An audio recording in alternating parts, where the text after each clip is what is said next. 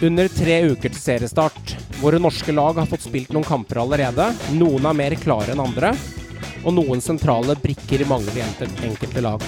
Det begynner å bli god temperatur ute i luften. Velkommen til en ny episode av Synseliga. Men det er jo ikke sånn at bohemen etter Vålerenga på 60-tallet At vi kan spille med de på 2020, i 2020. Det det er toppidrett i dag. Fucking joke, den der jævla måla vi slipper inn. Det er, det er piss. Vi har vært bunnsolide i, i hele oppkjøringa. Nå har vi sluppet inn ja, fire-fem pissemål. Det er jævla kjedelig å trene, så det er mye bedre å bare ligge og sole seg og så spille kamper. Så det her er perfekt. I wanted to wish you happy birthday, but it was already going go away.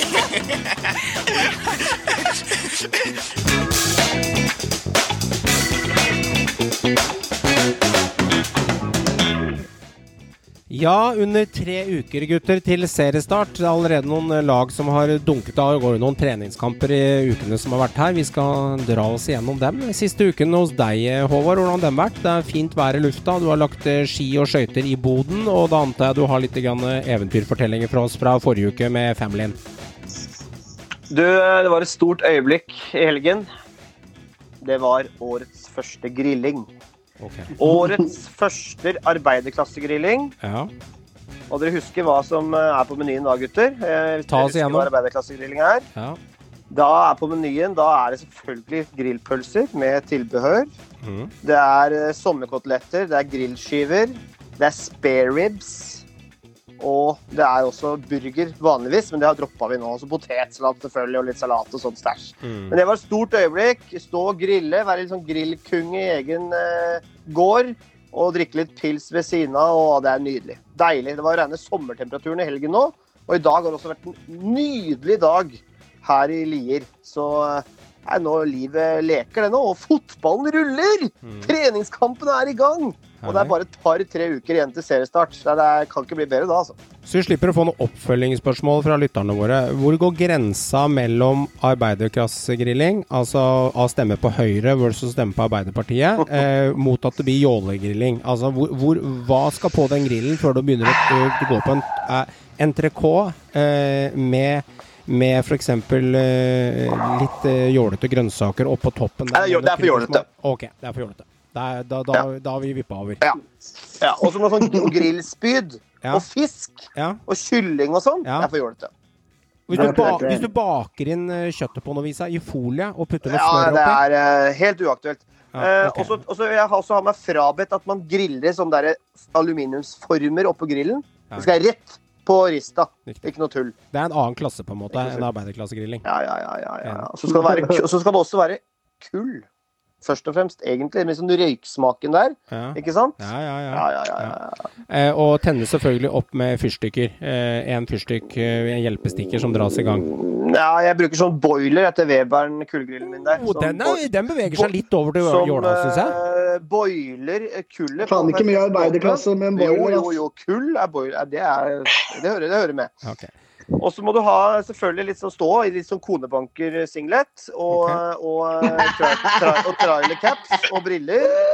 Så eh, er vi der. Ok, Herlig, herlig. Eh, Meran eh, Wife beater. Eh, Ja. wife beater, bank i bordet. Det er ikke helt bra. Vi, vi, vi, vi sier at Det er jo selvfølgelig klesplagget konebanker. Ja, det er klesplagget. Jeg lurer på om det står det på Carlings eller Lense Maurits. Eh, konebankesinglet fra 79 kroner. Det, det, om det står burde, det. det burde det Nei, det står på Dressmann.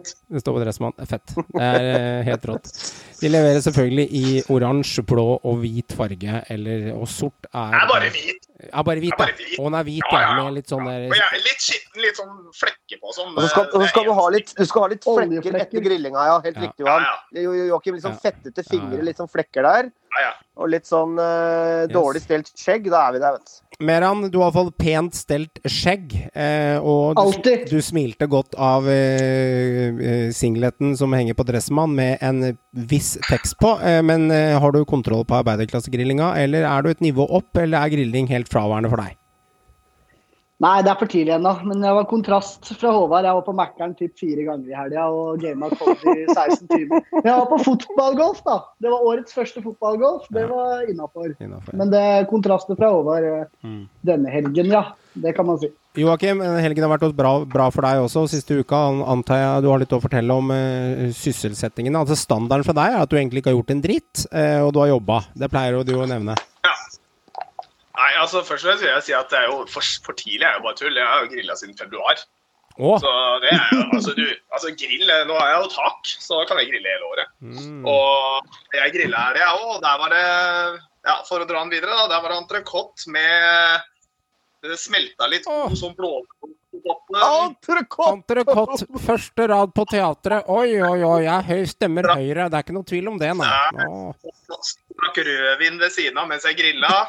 Herregud, altså. Ja, Og da, jeg, jeg, kan, jeg kan sette pris på en god arbeiderklassegrill, altså det er ikke det. Men eh, Nei, nei, jeg veit at du liker det. det var grilling for meg. Og grilling for meg, da er det enten burger eller biff som ligger på grillen. Det er eh, lite annet som går da. Men eh, er det klart skal du ha folk på besøk, så er jo veldig lite som slår en god, gammel grilling, rett og slett. da, Ja, det Det du skal på. Eh, Bortsett fra det, nei. Og må jo finne på noe annet da, enn å si at uh, jeg ikke har gjort noe som helst. Det er jo litt sånn uh, småirriterende. Uh, tatt ny lapp på postkassa min, så jeg slipper å krige med posten om reklame. Det jo- Det det. Og det, det var jo i, uh, veldig viktig òg, for jeg stikker jo nå ut i skauen et par dager igjen. Det er jo den tida på året. Så det skal jeg nå i år, denne uka her. Så jeg har takka og gjort mye klart nå i dag. Og jeg er klar for å tilbringe et par ja, en god del dager ute i skauen jeg nå. Herlig. Da vet du hva du skal gjøre de neste dagene. Og eh, når du endelig skal nevne en historie du har gjort siste uka, så drar du opp en grillhistorie fra februar. Det er jo eh, det er, nei, nei, det er klasse. nei det- historien, det var nå i helga. Ja, Det var nå i helga jeg grilla, grilla. Det Da, men du har vært på ballen siden februar på grillinga. Det er det vi egentlig snakker om. Ja. Det, det liker jeg å høre, at du har vært på ballen. Jeg kommer faktisk rett fra skauen sjøl nå. Jeg har grilla pølser i skauen, for det var så innafor helgen. Så jeg måtte bare dra på på en mandag òg. Mm. Det er ikke Ja. verst. Nok eh, kjøttfeste og grilling og NTRK eller småpølser. Eh, endelig er det seriestart, og den er jo spikret. Vi snakket om den sist. Og det vil si at vi har hatt noen treningskamper som har rulla denne uka her. og ja, jeg har skrevet opp i resultater. da. Det er litt sånn, Man begynner jo allerede å tape laget ditt, eh, Meran. Så er det, ikke så, det er ikke så farlig, for da er det bare treningskamp. Men vinner de stort, så gleder man seg alltid over at de vant. Eh, det er litt sånn det skal være. Er det ikke sånn det er? Det er sånn det er. Det kan jo Håvard svare på. Ja, Vi kan jo starte hos deg, Håvard. Eh, So Sogndal eh, Brann 4-1. Altså Sogndal eh, by, eh, tettsted. Eh, er ikke helt sikker på å ha bystatus. Arrester meg gjerne, er ikke er veldig vesentlig. Men ute i Sogn der er jo et eh, vakkert, vakkert sted. Har vært der faktisk en par ganger tidligere på vestlandstur. Nydelig sted. Men de tok knekken på Brann 4-1, de med mannsverk og gjengen. Det var ikke noe knussel der i gården, Sagmoen? Det verste er at uh, store stjerna Mansberg han spilte jo ikke engang. Så det, det er jo eh, enda verre. Ja. Så det var jo, det var jo sønnen til Bakke. Johan Bakke på 16 år som styrte midtbanen der. Okay. Så der er, eh, der er Sogndal en ny uh, juvel på gang. Så, eh, så ja, nei, det var pinlig. eh, For å si det sånn, det er bare trening, gutter. Det er bare treningskamp, så det er ikke nå det teller. Nei, det er ikke sånn sånn man er det. pleier å si, ja. Det er sånn man pleier å si, men altså, jeg må innrømme, det er jo litt sånn alarmerende når du blir pissa på 4-1 av Sogndal. Som eh, ikke var gode nok til å rykke opp. Kom på kvalik, tapte knepet mot NIF. Naturlig nok et bra Obos-lag, men du, du slipper da inn fire mål på én omgang. For det var i første gang alle måla kom, så det ble fem mål i første gang. Så var det eh, ingen i, i andre der. Og, og Brann var jo skrekkelig dårlig. Det er riktignok mye personlig feil. Og Det kan skje i fotball, men, eh, men du skaper bare nok til å skåre ett mål. da. Ikke sant? Og som Kåre sa, vi satt fire timer i buss. Og når fløyta gikk, så var vi ikke klare til kamp. Og hvorfor var de ikke klare til kamp når, de, når vi trente i et halvt år snart for å være klare til det braker løs? Og det er eh, skuffende. Altså, seriestarten er bare noen uker unna. Så her må gutta få, få orden på saker og ting, altså. Det er store eh, problemer rundt den eh, branntroppen med tanke på særlig på stopperplass, som de er syltynne. Og så så vi også nå, selv om Aune Heggebø riktignok skårer mål, så er det ekstremt tynt på topp der. Eh, Bamba vil bort. Hvem, hvor motivert er Bamba nå? ikke sant? Det er ingen som veit. Eh, hvordan er hans form? Eh, og han, han vil bort eh, allerede, altså fort som mulig, egentlig, når det kommer et tilbud. Og Aune Heggebø han, han er, han er, han er eh, lovende, men han har kun Obos eh, i bagasjen fra før av. Og, og holdt jeg på å si, ikke skåret så mye mål der heller. Så, så det, det, ser litt sånn småstygt ut. Men de sier jo da at Brann er godt trent. Men tydeligvis var Sogndal bedre trent og var mer klare når det fløyta gikk. Så, men igjen, det, det, er en treningskamp, så vi får håpe at det, det kommer litt mer oppløftende saker nå, nå fremover før seriestart. Så, men jeg er skeptisk nå, jeg må innrømme det. Molde blink 2-1, eh, Joakim. Eh, det, var jo, eh, det rant jo ikke inn skåringer for Molde heller, men klart de fikk vel litt ut av den matchen der. Jeg har ikke sett den kampen, men jeg registrerer 2-1-seier. Ja, nei, jeg har ikke sett den, jeg heller. Så jeg, det tar vel som en altså En treningskamp tar ikke hva som er. Det viktigste er jo å begynne å få litt i gang, få i gang spillerne, få litt fart i beina på dem. og De vant da. altså du det er ikke så å stresse seg mye mer til det heller. Jeg tror det er ganske viktig for mange lag er faktisk å ta disse treningskampene som treningskamper og faktisk roe litt ned og ikke kjøre seg ut. For det er veldig få av disse lagene. Nå har jo Molde vært skjerma for det meste, så det er klart de burde kanskje ha litt mer futt. Men uh, det er jo uansett greit. Er en god, grei, gjennomføring. Bare skyte en liten ting eh, før du skal fortelle om ditt kjære Stabæk-Meran. fordi uh, Det som er litt rart, det er jo at når Brann taper i treningskamper, sånn som dette her, og så var det jo 4-1 nå, da, så blir det liksom oppstyr fort. Men f.eks. når Sarpsborg og Sandefjord og de liksom mindre lagene snakkes mye rundt, så, så, er det ikke så mye, mye snakkes rundt det. Men, men, nå blir det på en måte litt sånn ah, faen, Brann taper, nå rykker de ned, liksom. Så det er jo tross alt, som du sier, Joakim, det er en treningskamp. Mm. Men det blir alltid hausa mye opp i Bergen når Brann går på smeller før seriestart. Så det kan jo hende at Kåre og gutta har noe på gang nå, men, men eh, det blir liksom alltid mer snakk om det når Brann går på et sånt tap, da. Men det, men det, skal du også være glad for. Det skal du også være glad for, Håvard. At de, ja, det har med interesse å gjøre, selvfølgelig. At, at ikke ja. laget ditt har en ubetydelig posisjon i Norge. Så det, ja. det, det har jeg levd med som Rosenborg-supporter i alle år, og det, skal man være glad for. At det er kravforventningene til Brann er høy, høyere enn Sarpsborg og Stabæk. Så det, sier litt seg selv også. Det er Norges nest største by, så de bør liksom ha noe å diske opp med i, i godteskåla her, liksom. Enig i det. Så er det jo viktig å påpeke at de aller, aller fleste lag eh, kasta inn hele troppen, da. Ja. Sånn som i Stabæks tilfelle òg. De stilte jo med to forskjellige elvere til hver omgang. Og, og, det tror jeg også var ganske jevnt over for alle laga. Så første runden må man ta med en klype salt. Ja. Første treningskampsrunde, da, for å si det sånn. Mm. Eh, det handler om å la gutta få noen minutter og føle litt på dette. Det har vært en lang pause òg, så det er viktig at de gutta får noen minutter. Altså. Hva tenker du det, om uh, Sarp Stabæk 2-2? Tenker du at det høres ut som et klassisk altså, eliteserieresultat? Ja, det var jo typisk uavgjort. Det, det ender jo stort sett uavgjort i kampen der. Men uh, det var jo, som jeg sa, to forskjellige eldre, og vi fikk jo noen svar, da. Mm. Jeg fikk, jeg fikk i hvert fall et godt svar på hvem som leder an i kampen om spissplassen mellom Kinushita og Semi. Og det er definitivt Koski Kinoshita. Asemi er jo ikke på i det hele tatt. Og så har en ny, ung, spennende talent meldt seg på i Antonio Nusa. Nettopp fylt 16 år, kommer inn og skårer i første kampen der. Det er spennende. Så, så, ja, jeg fikk noen svar. Det gjorde jeg. Mm. Nei, vi ser jo det at Glimt òg overbeviser jo heller ikke. 1-1 mot Tromsø der. og Forrige kampen til Glimt på norsk jord det var jo mot Nett og Brann. Da tapte de. Så det er jo også et lag som nå som skal drive og synse ut fra treningskampene, som heller ikke på en måte er i form eller er i rute. og nå og neste runde nå, så, neste treningskamp så møter de jo nettopp Brann og Glimt igjen. Så det, er, det som på en måte gjør det litt sånn spesielt nå med den oppkjøringa her, at seriestart er bare to-tre uker unna. Vi er ikke i mm. februar. ikke sant? Det er ikke lang tid på å spille seg i form. Det er det som på mange måter gjør det litt sånn at det blir litt sånn ekstra Du stusser litt ekstra over resultatet. da. Altså Hvis på en måte laget ikke er i form nå, hvorfor skal den på en måte være om to uker? Eller to-tre uker. Så det er det som på en måte også gjør meg litt sånn bekymra på Brann sine vegne. Men, men igjen, eh, vi får se, se fremover.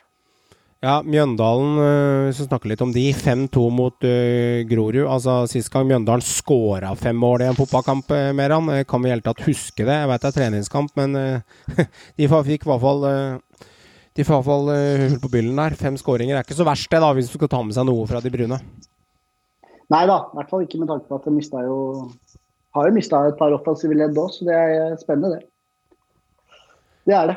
Rosenborg-kampen den har jeg sett i et sånn eh, halvtime sammendrag eh, på, eh, på, en form for RBK-TV i etterkant. Der hvor de har satt sammen en ganske god miks av sjanser. Rosenborg produserte fryktelig mye sjanser i første omgang. Altså, vi snakker enorme sjanser. Mye. De hadde mye ball, spilte mye ving. Jeg syns det jeg så av Rosenborg var bra. Vebjørn Hoff ble også kåret til banens beste den kampen.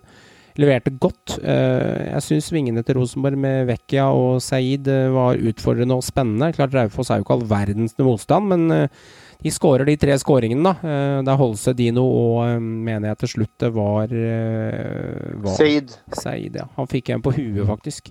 Det stemmer. Mm. Eh, så jeg syns Rosenborg var bra der, men det var en bedre førsteomgang enn det var en andreomgang. Eh, og så kom det litt bytter, og Taksetten kom inn og litt forskjellig. Så litt sånn, en, en litt sånn klassisk grei RBK-kamp hvor mye kampen sier, er vanskelig å si pga. motstanden. Men, eh, men, men det var gøy. Men jeg, jeg syns Rosenborg var faktisk ganske bra. Det må jeg faktisk si. Jeg synes, eh, Hen Henriksen starter på midten, ikke sant? ja, som jeg, så, som jeg så der, så gjorde han det. Jeg satt ikke og la så veldig mye merke til hvor han ble flytta andre omgang, men han starta på midten, ja. Og så hadde de Hoff mer offensivt, og Hoff lå høyre, og de og, og Doff lå tror det var høyre. Ja, Zakariassen og Hoff som indreløper og Henriksen på den dype. Det er riktig. Så de Eh, men- sånn. Men så flytta de litt men- på det etter hvert. Når Ja. Holse kom inn og sånn, så gjorde de noen rokeringer der. Men det er jo pga. at Siljan er ute at Henriksen eh, spiller dypt på midten der nå, og det kommer nok til å gjøre og helt til Siljan er tilbake. Ja, ja.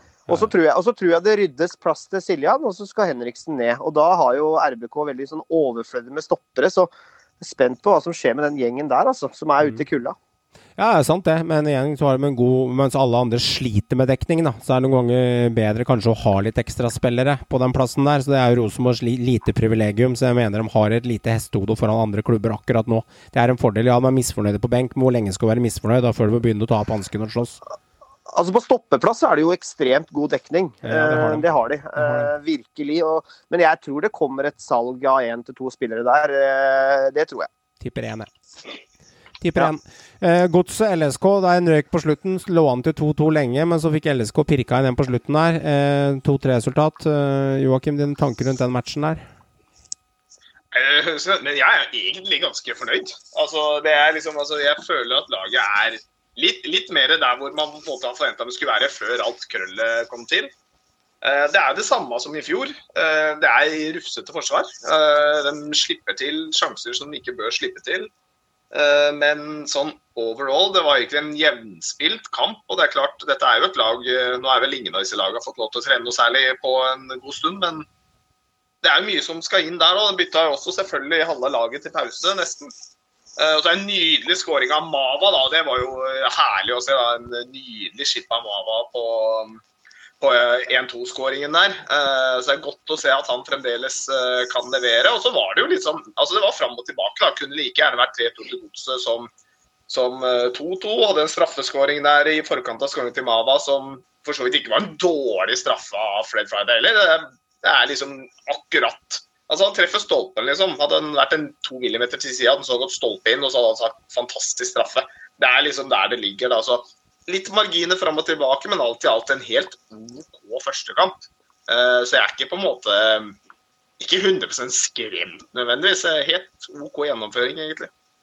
Åssen så Fred Friday ut? For jeg har ikke fått sett de høydepunktene. Så han bra ut?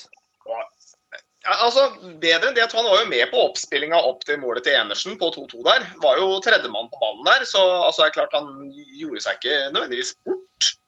Eh, så Nei, jeg, jeg syns han for så vidt gjorde det. Han virker jo litt, litt Men det, egentlig hele laget virker jo litt utrent og ikke helt med, på G. Men det skulle jo Mm. bare mangle òg, med hvordan de er satt opp. Ja. Men jeg synes, Nei, han, altså han, han virka piggere nå enn han gjorde mot Enga, for å si det sånn. Uh, men der var han jo helt fraværende.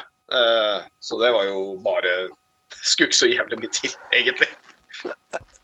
Ja, Kanskje dette godselaget trenger og Selv om nå tapte de jo da tross alt, men kanskje dette godselaget trengte de liksom lugne og trygge kompisene i BP og Vibelund til å lede skuta en periode nå? Kanskje det er det som på en måte må til for å roe gemyttene en liten periode. Så, men vi får se hva som skjer i dette gods, denne godsbåten, holdt jeg på å si. Det, hva som skjer der videre i dette dramaet i Drammen. Det fungerte jo bra sist eh, det var Ja. tumultur og BP kom inn. Så funka det jo greit en periode, og det er klart som en mellomperiode så Ja. kan det helt fint være en god løsning. Men jeg er veldig skeptisk. Jeg, de har ikke noe vis til noen av dem eh, i å lede det laget der fra i over tid. Så um, jeg er skeptisk, men som for all del, helt OK førstekamp. Det er ikke noe, ikke noe krisestemning for min del. Nesten litt positivt overraska. Nå har jeg ikke sett uh, Viking Åsane endte 1-1. Uh, for resultatet så ser det ikke ut som det var noe kruttmatch, men hvem veit om Viking var gode eller Åsane var gode. Jeg har ikke sett matchen selv, men jeg registrerer at det er et 1-1-resultat vi kan nevne der uten å si for mye om kampen. Uh, Superligaen, gutter, har vært nevnt de siste dagene og dukket opp som en litt sånn uh, troll i eske fra sida. Et lite spøkelse som var litt nytt for meg i helgen der også. Plutselig så begynte jeg å lese litt om det, og så begynte sosiale medier å begynne å koke litt. og eh, Twitterate, eller hva man kaller det. De begynte å tvitre til høyre og venstre om hva man mener og ikke mener. og Kan du ta én eh, liten luring der ute som har vært å kaste seg på? Jeg tenker det er svært dårlig idé både på kort og lang sikt. Prinsippet i sport er at man skal ha at, man, at de som er gode, skal vinne. Fotball i sin natur er demokratisk. De som trener nok og jobber hardt, blir gode og kan vinne. Når de grunnprinsippene rokkes ved, så reagerer man på de tingene. Det var første eh, kommentaren fra Mr. Koteng på lang, lang tid, når han ble spurt av Discovery Pluss eh, i dag eller i går angående hva han mente om denne superligaen. At eh, det er ikke helt heldig for utviklingen. Joakim, vi kan jo starte hos deg. Altså, jeg vil jo si Det er ikke rart at du ikke har hørt så mye om det heller, for dette slo jo egentlig ned som nesten lyn fra klar himmel for Uefa. Altså, Uefa har nettopp sittet i samtaler med da, den europeiske klubb uh, European Club Association. Uh, nå kommer jeg ikke på det godt ord på norsk. Klubbassosiasjonen. Uh, men men altså, dette slo jo litt ned så klart, for Uefa skulle jo egentlig da presentere det nye Den presenterte vel det nye Champions League-formatet for i år. Og vi så at du leste jo det intervjuet da med Nå husker jeg ikke hva han heter, men han som leder utviklinga i Uefa der. Og han er jo fly forbanna, ikke på spesielt da den sportslige lederen i Juventus og håper å si, min egen i kjempestore gåstein, uh, rasshølet sjøl, Ed Woodward i England, i Manchester United. Uh, som tydeligvis da har sittet og løyet han rett opp i trynet i to uker nå. Uh, og bare slo dette rett i nøtta på dem. Så dette kom jo da som lyn fra klar himmel på de aller fleste. Og det er jo en Altså, det er en kolossal krise. Uh, Men ta oss igjennom, da, for det er ikke, dette er såpass ferskt. at Hva er det som har skjedd, og hva er det som er på vei til å skje her nå? Uh, en, en, må ta meg gjennom det. Det som var på vei til å skje, var jo først og fremst at uh, de skulle fikse på Champions League. dette var det vi gjennom i fjor. Skulle få inn flere lag, og som skulle sørge for flere lag fra de store ligaene. Hvor den da skviste da lag ut fra mindre ligaer, mer eller mindre. Hvor da Conference League kom inn som en tredje valg. Eh, de største klubbene er jo da ikke det skal sies De største klubbene i Spania, England og Italia enn så lenge er jo da mener ikke de får nok penger. Det er, det er, bare det. De får ikke nok penger. De skal ha mer penger. De ønsker å være mer dominerende. De ønsker å få mer penger enn alle andre rundt seg. Og de har da jobba litt i det skjulte og kasta nå i helga da ut en avtale de har gjort med en amerikansk eh, investor og Pierce Morgan eller noe sånt, en bank i USA. da. JP Morgan. JP Morgan, stemmer det. Og de skal da starte dette her da. Jeg håper for guds skyld dette egentlig bare er for å presse Uefa til å gjøre noen endringer i Champions League, uh, det nye Champions League-systemet. Men det, det, virker jo faktisk veldig legit nå, og det er en krise for fotballen uh, generelt. Mm. Meran, kjør så er det viktig å påpeke at det som står bak dette her, også er jo Real Madrid-presidenten Perez. da, Som er opptatt av én ting, og det er penger. Eh, det ligger 35 milliarder inne i, startpakka her. Eh, og det er jo trist, fordi det som skjer er at eh, Uefa kan boikotte alle disse spillerne fra å delta på landslag. Dvs. Si hvis Martin Ødegaard spiller i Real Madrid neste sesong, så får ikke han spille for landslaget. Det er krise. Eller for Arsenal, ikke sant. Det er jo krise at vår landslagskaptein ikke får spille for landslaget fordi han da spiller for Real Madrid eller Arsenal og er med i denne superligaen.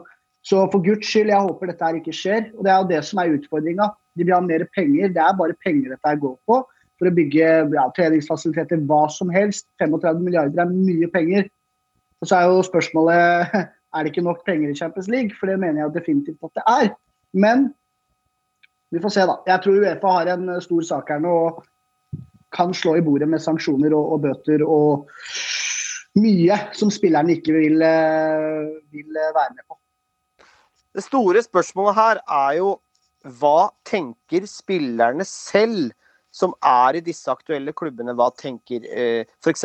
Ole Gunnar Solskjær, som ble tatt skikkelig på senga på intervju, Jørgen Klopp og alle de store managerne rundt. Vi må, altså For at dette skal stoppes, da, for å si det på den måten, det er ikke noe tvil om hva fansen tenker. Fansen er jo i harnisk over hele verden. Dette her vil forandre fotballen på, altså, som vi kjenner den. Hva er Champions League uten de lagene her? Hva er Premier League uten de seks store? Dette her vil Dette er, er, eh, dette er drepen for Altså, det ødelegger fotballen som vi kjenner den. Her, og, og så var det snakk om at eh, disse lagene skal fortsatt spille i sin hjemlige liga, men så skal de skrote Champions League. Så Det betyr at Champions League blir ødelagt. Men, det, de, men altså, Premier League vil aldri godta at disse seks klubber skal sette premissene for hvordan det skal være. Ikke sant? Så, så dette her at det, Uefa er i sin fulle rett til å holde tilbake spillere og nekte. De kommer, å, de kommer ikke til å gi seg på tørre møkka. De kommer til å kjøre knallhardt. Det kommer til å bli en krig uten like. Og det er grådighet av verste sort av disse tolv klubbene. Og planen er at det skal være opp mot 20 lag i denne ligaen. Og så skal det være såkalt eh, amerikansk eh, serieoppsett. Okay. At ingen rykker ned. Det er de samme lagene som spiller i to forskjellige ligaer, og så møtes i et sluttspill. Så dette her er eh, Altså, tenk på et EM, VM uten de største stjernene. Tenk på Champions League. Altså, alt vil forandres. Dette Mm. er, er jo det verste som kan skje i internasjonal fotball. Så jeg håper virkelig at spillerne selv, managerne av de store klubbene, går ut offentlig og boikotter den her. For at de klubbene får ikke gjort noe hvis ikke spillerne er med på det. Og ja, penger betyr mye, men for faen. Fotball er for fansen og folket først og fremst. Altså, bare, bare skyte inn her, Det er vel som jeg har forstått det, så er det 15 faste lag, og så er det fem lag som skal rullere av de 20 Mm. lagene. Så det er 15 Mm. faste lag. øh, hvor på banda, Nå er de litt usikre, i og med at to av de soleklare to-tre lag har jo sagt nei. Det er jo da Bayern, Dortmund og PSG. De har jo sagt nei. De har nekta plent. Og mye av grunnen i Tyskland Bayern har sagt nei på eget premiss. De nekter.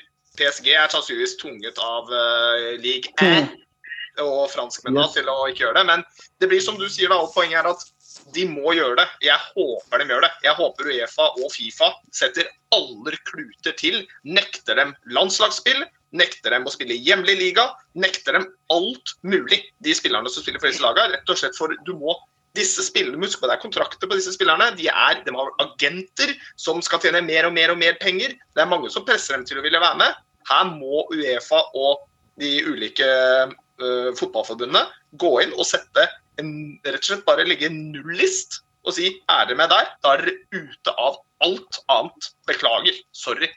Et liten Hardt eh, mot hardt må de sette. Hardt mot hardt. Altså det vil si at Hvis ManU blir en del av det her, så skal de kun møte eh, ref. Juventus, hvis de hadde blitt med, Milan, Dortmund, PSG og et amerikansk lag. Det er slutt på møtet. Nei, nei, nei, ikke noe amerikansk. Det er, det er europeisk. Nei, nei, nei. Europe ja, europeisk, ja, men, europeisk. det, men jeg har forstått det sånn. Da er det slutt på Ja. møtet Villa og De West rike store laga. Ja, altså de rikeste Nei, de vil jo ha begge, men oh, ja. det må de nekte. Det, De ønsker å ha begge deler, men De det må de nekte.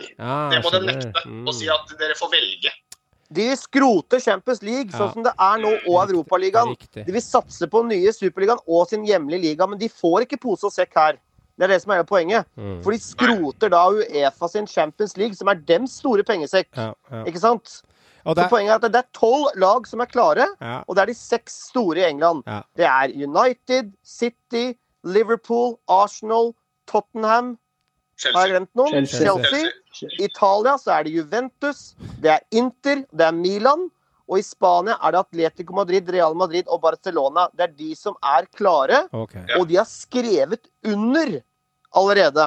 Det er ikke bare sånn 'ja, vi vurderer'. De har skrevet under. Jeg skjønner. Det som er hele casen her. Ja. Og her sitter det grådige eiere på toppen Mm. som driter i fotballen og driter i fansen. De tenker kun penger og egen vinning. Ja, Det er det som er jævlig skummelt her. Jeg sitter og ser, eh, sitter og ser hvis du følger opp det Koteng sier. da. Han sier jeg tror taktikken er å presse Uefa for mer penger. Klubbene i Superleague føler de får for lite av kaka i fotballen i dag. De vurderer seg selv som mye viktigere enn hva de egentlig er, sier han.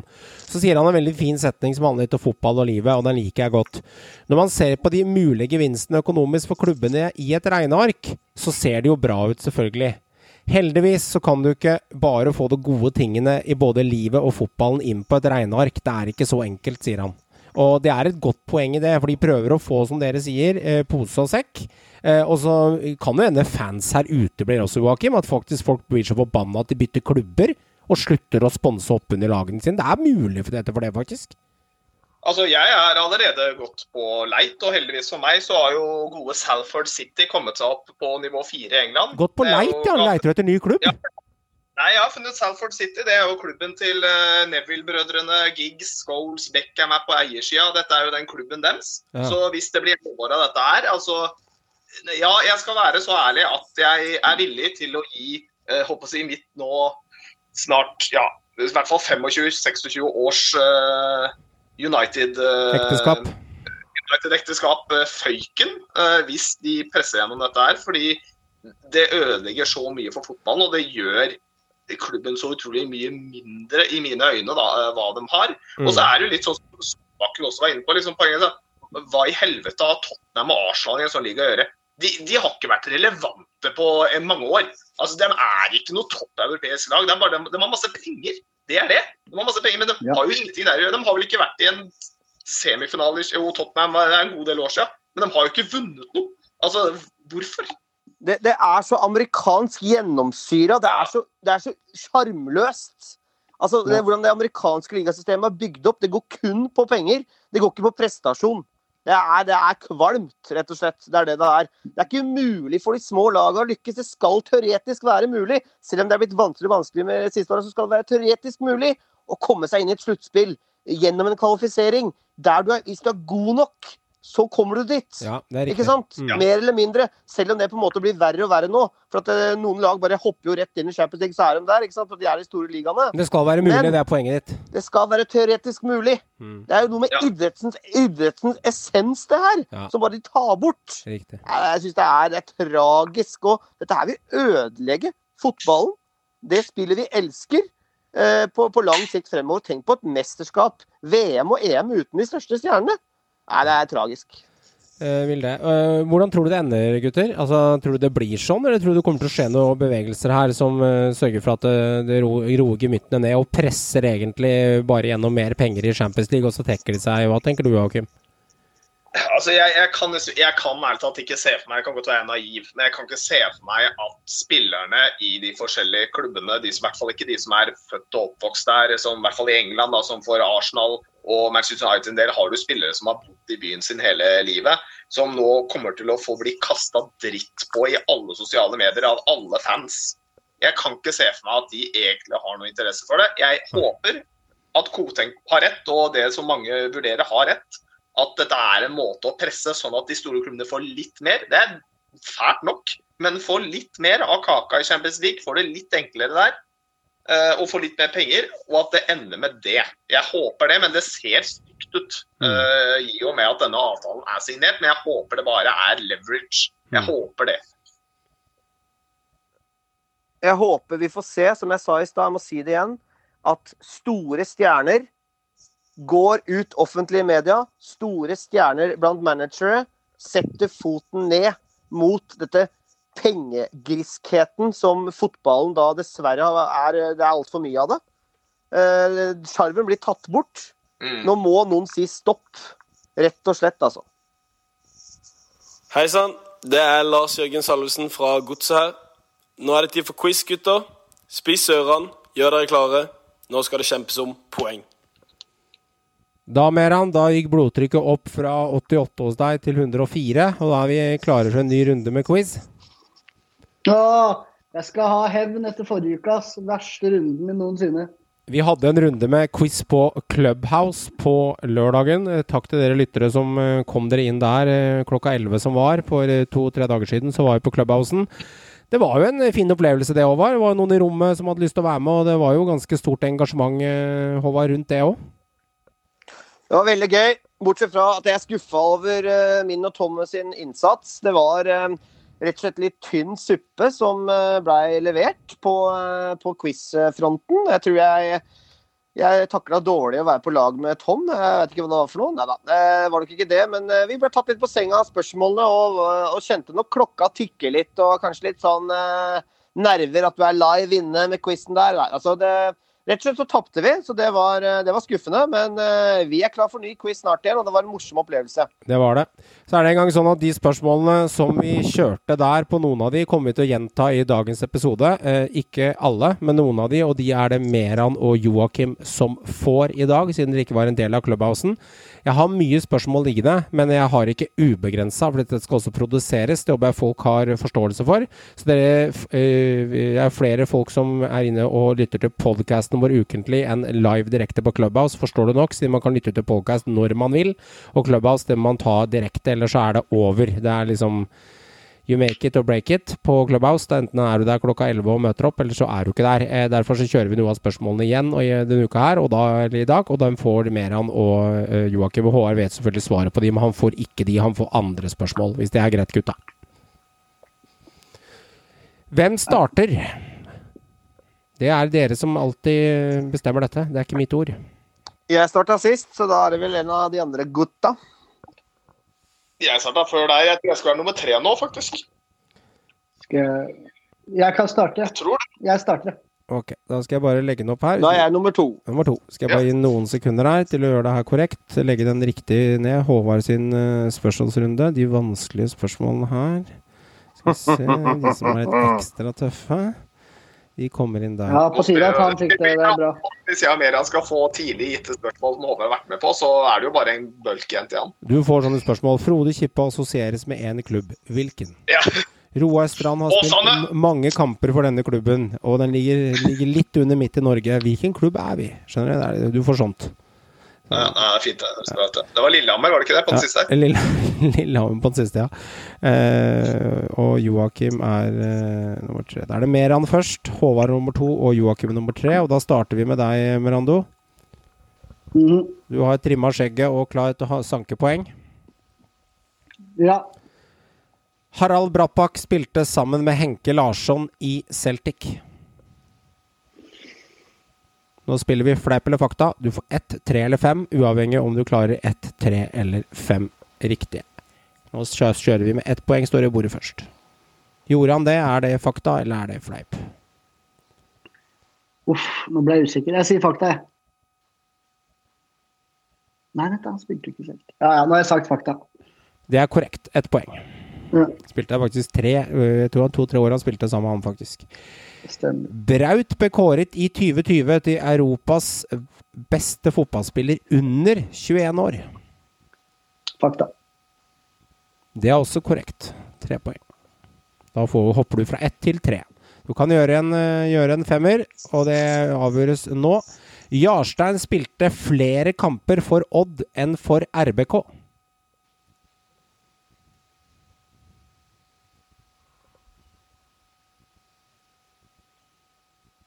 Fakta. Det er korrekt. 71 kamper versus 47. Fem poeng, Merando. Det er en god start. En rekkefemmer. Grattis, grattis. Håvard, er du ready? Takk, takk. Ja. I 1997 slo Tromsø Chelsea på hjemmebane 3-2 i europakampen i et helvete snøvær. Fakta. Det er korrekt. Den kampen var sjuk. Den husker jeg godt. Det husker jeg sinnssykt godt. Det var ikke snø det første kvarteret, og så ble det et mareritt uten like. Rune Lange og Ole Martin Årst herja på topp der. Det er helt riktig. I ungarsk fotball så har Norge én representant som proff, nemlig Tokmak. Det er fakta. Det er korrekt. Vi har én. Det er Tokmak. Hanke Olsen, har, Hanke Olsen har enda ikke spilt en landskamp for Norge. Det er fleip, for han har én landskamp mot Østerrike-nødlandslaget. Han var et beist. Det er korrekt. Rekkefemmer. Det holdt du på å gå på Faffa betaler-luring, men den, eh, den tok du. Selv om det var en mild Faffa betaler. Da er det fem poeng. Du har tatt alle fem. Bra rekkefemmer. Joakim, da veit du hva du skal gjøre. Det er å bare ta, ta alle tre, det, så er det i boks her. Ja, men det gjorde jeg jo sist. Ja. Nei, Så, eh, så gjenta bedriften eh, Er du klar? Ja, ja. Tobias Bjørkeie signerte april 2020 for Brøndby. Hvorfor får jeg et sånt spørsmål etter alle disse enkle spørsmålene alle har fått? Signerte han i Eh. april 2020 for Brøndby? Fakta. Det er fleip. Den er det flere som har gått på. Han signerte juli 2019. Børkeie. Børkeie, ok. Mikkel Diskerud spilte over 80 kamper for Rosenborg fra 2012 til 2014. Kilde Wikipedia. Fra 2012 til 2014 spilte han 80 kamper for Rosenborg.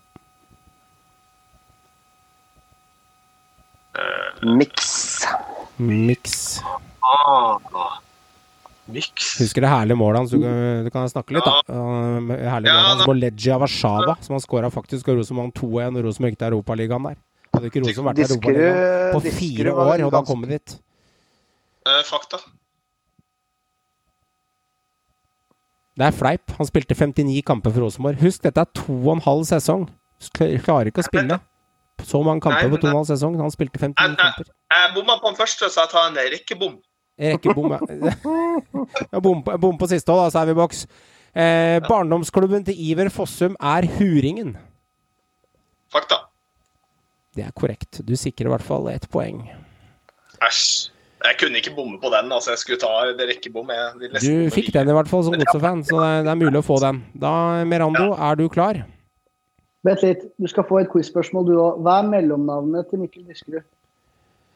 Veit jeg ikke, men han har sikkert noe bohemsk greier. Men jeg tipper Mikkel Det er helt riktig. Jeg tipper Mik er, Hvis jeg ikke hadde visst at det var noe bohemsk, så hadde jeg tippa Mikkel André. Men det er sikkert noe bohemsk, så jeg sier Mikkel Bohemsk Diskerud. Det er feil. Det er Mikkel Morgenstjerne, eller på amerikansk Morningstar. Okay. Diskerud. Morningstar også, det er nesten det samme som man, Morningstar er nesten det samme som man får når man får stjerner på aksjefond. Én til fem stjerner innenfor Morningstar-rankingen. Da lærte jeg noe nytt noe. Meran. Ja. Ja. Er du klar? Jeg er klar. Unikt i sitt slag. Du satser 1, 2, 3, 4 eller 5 poeng, og det tallet du satser, det har du brukt opp. Hva satser du på unikt i, ditt, i sitt slag? Tre. Jeg begynner alltid på tre. Du begynner på en rekke treer. Ja. Skal vi se her, det er tre poeng som står på spill. Man kan ikke klage på hvilke poeng om egen klubb. Uh, Huringen havna hos Joakim, og da havner den her hos deg. Kun én utenlandsk spiller har blitt toppskårer to år i ligaen. Hvem spiller snakker jeg om? Kun én utenlandsk Altså i Eliteserien nå, tenker du på? Ja, Eliteserien Tippeligaen, som har eksistert de siste 25 åra. Jeg har tatt den fra 1990 opp. En utenlandsk spiller, eksempelvis uh, Jibbe Fall. Vi kan Ja, bruke Daniel Landskog. Det er korrekt. Jeg visste at du kunne den. Det er, husker du også årene? Tre poeng får du uansett. Eh, 2006 og 2008. Det er også korrekt. Ikke noe tilleggspoeng, men det viser kunnskap. Tre poeng til deg. Neste hint er geografi. Da kommer, det, da kommer det alltid spørsmål om Husker vi kødder med Elverum og Ja. Hamar og sånn? Det gjør ikke det nå, da. Ja, ikke sant? Ikke sant? Sist gang så satsa jeg en toer, så kom det spørsmål om Hedenstad. ikke sant? Så, men tar jeg en firer nå, så veit jeg at da ryker jeg. Så jeg kjører en toer. Kjører en toer. Fra hvor i Norge er Anders Tronsen ifra? Kommer det to Stabæk-spillere på rappen, så er det ikke noe vis å bitche og klage her, altså. Den her var du tur med. Men han er jo fra Bærum. Ja, er det svaret ditt? Nå ble jeg usikker. Om han ble henta eller Nei, han er fra Bærum. Han er fra Bærum. Ja. Han er fra Bærum. Det er feil. Hvor er han fra? Jeg bakte inn eh, Jeg så på blikket til Håvard at han nesten ble halvveis oppgitt at jeg bakte inn at vi aldri klarer å levere på Innlandet når vi skal snakke om geografi. Han er også fra et innlandssted, og jeg lurte den inn med en Faffa betaler. Han er fra Lillehammer. Han er det? Yes, da han ble henta som unggutt. Uh, OL-byen vår, Lillehammer. Vakre, vakre Lillehammer. Oppvokst ikke så langt fra uh, Swix-butikken på Lillehammer, den store skibutikken som ligger nede på sletta der. Det er faktisk ikke tull. ja, ja, ja, ja, ja, det er greit. Det er Og greit. Da kommer øh, neste. Da har du brukt opp toeren. Toeren er forspilt i sjøen. Den har, den har vi kasta i Mjøsa, som også ligger på Innlandet. Men da kommer ingen suksess, er neste hint. Ja, Få ta fireren, da. Da kommer fireren, ja. Ja. Får høre om det var det letteste du gjorde. Å putte fire der. Det var nok ikke det. Det var nok ikke det. Vi får se om du klarer det. Ingen medalje på RBK i 2020. Men når var det sist gang RBK ikke tok medalje i vår øverste divisjon? Hvilket år? Hvis du vil, så kan du fylle inn de hvem som tok gull, sølv og bronse det året, bare som eh, hyggens stund. Men jeg skal ha året som er spørsmålet. Skal vi se, jeg må bare resonnere meg fram igjen. Da tenker vi Eh, høyt. Vi er på live radio podcast. Ja, ja, ja, ja. ja. Eh, sist de ikke tok medalje, det må vel bli tilbake, fordi jeg mener vel bevisst Jeg har lyst til å blande inn Perry i i miksen her. Du har lyst til det bare for at det er Perry, liksom? Bare fordi det er Perry, og han er eh, Men jeg lurer på om han faktisk Han tok Perry. bronse. Han Perry. Perry. Han Perry. Så da velger jeg faktisk eh, Det er jeg litt hofta, men det er det eneste For 2020 er sist gang de ikke tok medalje i fjor. Det er, det er vi Yes. alle enige om, men jeg vil ha det før før Men jeg tror du må faktisk tilbake til år 2008, når Stabæk tok gull, Mm. Fredrikstad tok sølvet og Tromsø tok bronsen. Eh, og da tror jeg jaggu Glimt tok fjerdeplassen òg, så da, da lurer jeg på om du må helt tilbake til 2008, Krog. Det er svaret ditt. Det er svaret mitt. Du får poeng bare for resonnementet der, altså. Altså Hadde det vært poeng for resonnement, så hadde du fått det. Men så er det spørsmål om du får poeng for å besvare spørsmålet. Ja. Det er det beste resonnementet jeg har hørt på lang tid. Takk for bra levering.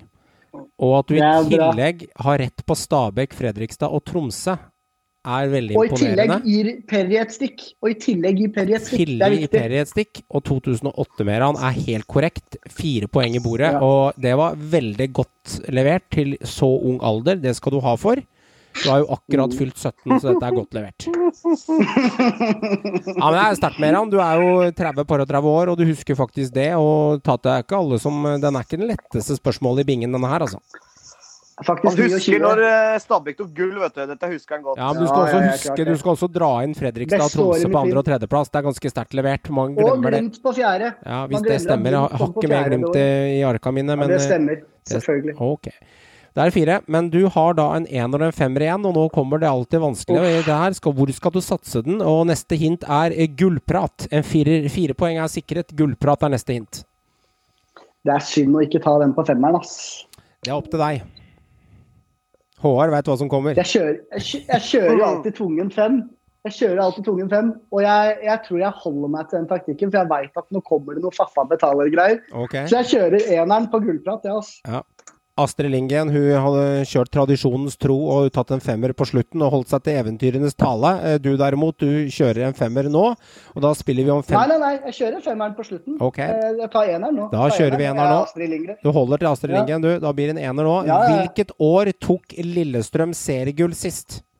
Ett poeng spiller Jeg er så glad jeg tok eneren nå! Åh, det her det er, jo, det er jo mange år tilbake. Det er jo fra min tid. Eh,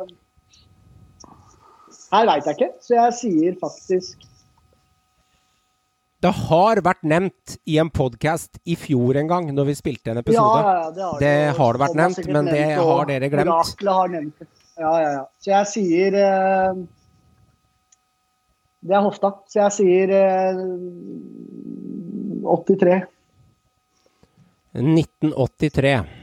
Det er året Det var da jeg ble, født. det var da jeg ble født. Ja, det stemmer. Det var da Håvard ble født. eh, og 1980-tallet er korrekt eh, et eller annet sted der, men eh, 1983 er feil. Eh, 1989. Jeg er så glad jeg brukte eneren! Rett før eh, Viking og Rosenborg og gjengen begynte å ta, ta til seg noe gull der, og dessverre så røk det poeng, men det Da- er en ener i bordet borte. Da var det den legendariske engelskmannen David Hay som leda Lillestrøm. Ja. Hei. Hei, hei. 2019 er siste hint. Eh, Toppskårer til Glimt i 2019. Hvem ble det? Ikke 2020, jeg skal ha 2019. Vi spiller om fem poeng. Navn på spiller. Å, dette er så dårlig. Nå, nå er jeg blank. Så da velger jeg å kjøre Det var jo ikke han, vet du. Det var jo ikke Evjen. Men hvorfor står det stille hos meg nå? Nei, det veit ikke jeg. Det Men faen var spiss for Glimt i 2019, da. Nå står det stille her. Skal vi se her nå. Vent litt, la meg resonnere meg fram her nå. Ja. Fordi nå. Lajoni ble jo solgt halvveis. Ja. Uh, Jeppe Hauge mål. kom jo inn. Han skåra mye mål. Men uh, Jeppe Hauge kom jo inn på slutten der. Eh, hadde ikke så mye tillit til starten. Vet du hva? Jeg kjører med Håkon Evjen, jeg, altså. Det er sikkert ikke smart, det er sikkert feil, men, jeg, men for meg er det Faen, det er jo ikke så lenge siden heller, men nå, nå står det stille. Det, Ja. Det blir eh, Håkon. Evjen, altså. Håkon Evjen, eh, skal du tippe antall skåringer og se om bare du treffer fra hofta, da? Om det Håkon Evjen er rett eller Absolutt ikke. Du tipper ikke antall mål? Nei, jeg tror han kom på tosifra, i hvert fall. Ja. Han kom. Eller- Spilleren kom på tosifra, og det er helt riktig. Og da kan du, Håkon Even låser jeg i potten akkurat nå, det er svart. Og så sier jeg at Ja, for å gjøre deg litt nervøs Glemmer vi Fardal Opseth? Vi glemmer faen meg Fardal Opseth. Det gjør du, men det skal du være glad for, for Fardal Opseth han var toppskårer året før. Ja, i Obos, hvor han slår rekorden! Og Håkon Evin er korrekt med fem poeng. Nei, fem poeng i bordet og 13 skåringer. Da får du Revansj! fem for Håkon Evjen. Du får 2008 Rosenborg sitt misseår. Da er du ni poeng. Og så får du Nanskog som toppskårer to ganger, som er den eneste utlending som har klart det to ganger. Utenlandske spiller. Da er du oppe i eh, tolv poeng der. Det er egentlig ikke så verst. Eh, Det var ikke dårlig det, Meran. 17 totalt. 17 totalt. Det er revansj etter forrige, forrige og jeg satser på at Håvard får null på alt nå, så er du ganske à jour. Det hadde vært noe. Ja, det, det blåser. Jeg har tatt full pott. Jeg er bare så glad for at jeg hevna meg etter forrige uke. Men jeg kan Nei. si det, Meran, at eh, du traff på noen av de spørsmålene som jeg og Tom bomma på. Det gjorde du. Fordi Oi, orakel òg. ja, for de fikk eh, noen Du- du de, traff, du. De fikk noen av de spørsmåla her i runden sin i Clubhouse. Yes. Ah, Og de svarte faktisk Fardal Opseth, hvis ikke jeg husker helt galt. Jeg eh, bomma rett og slett i eh, stundens alvor på Fardal Opseth Evjen der. Eh, Jeg blingsa på 2018-2019, så jeg svarte Eller vi svarte Fardal Opseth. Men de Og det var tok, jo feil. de tok Lillehammer. Det gjorde de. Det gjorde Eh, det gjorde- der, der, Jeg røyk på én og to. Jeg er fornøyd med å ryke på én. Men nå er det slutt på bitchinga Nå er det slutt på bitchinga Meran, med at du aldri får noe Stabæk opp i quizen her. For nå fikk du Nanskog Ja, og Tronsen i Jeg er fornøyd med Namskog. Du ga meg Namskog. Det hadde jeg aldri Det er ikke jeg som gir deg det. Det er, det er uh, arkets magi. Altså, den bare plukker ut den. Jeg styrer ikke dette her. Dette er, eh, jeg prøver å være så rettferdig jeg kan på dette her. Det, det gjør du bra.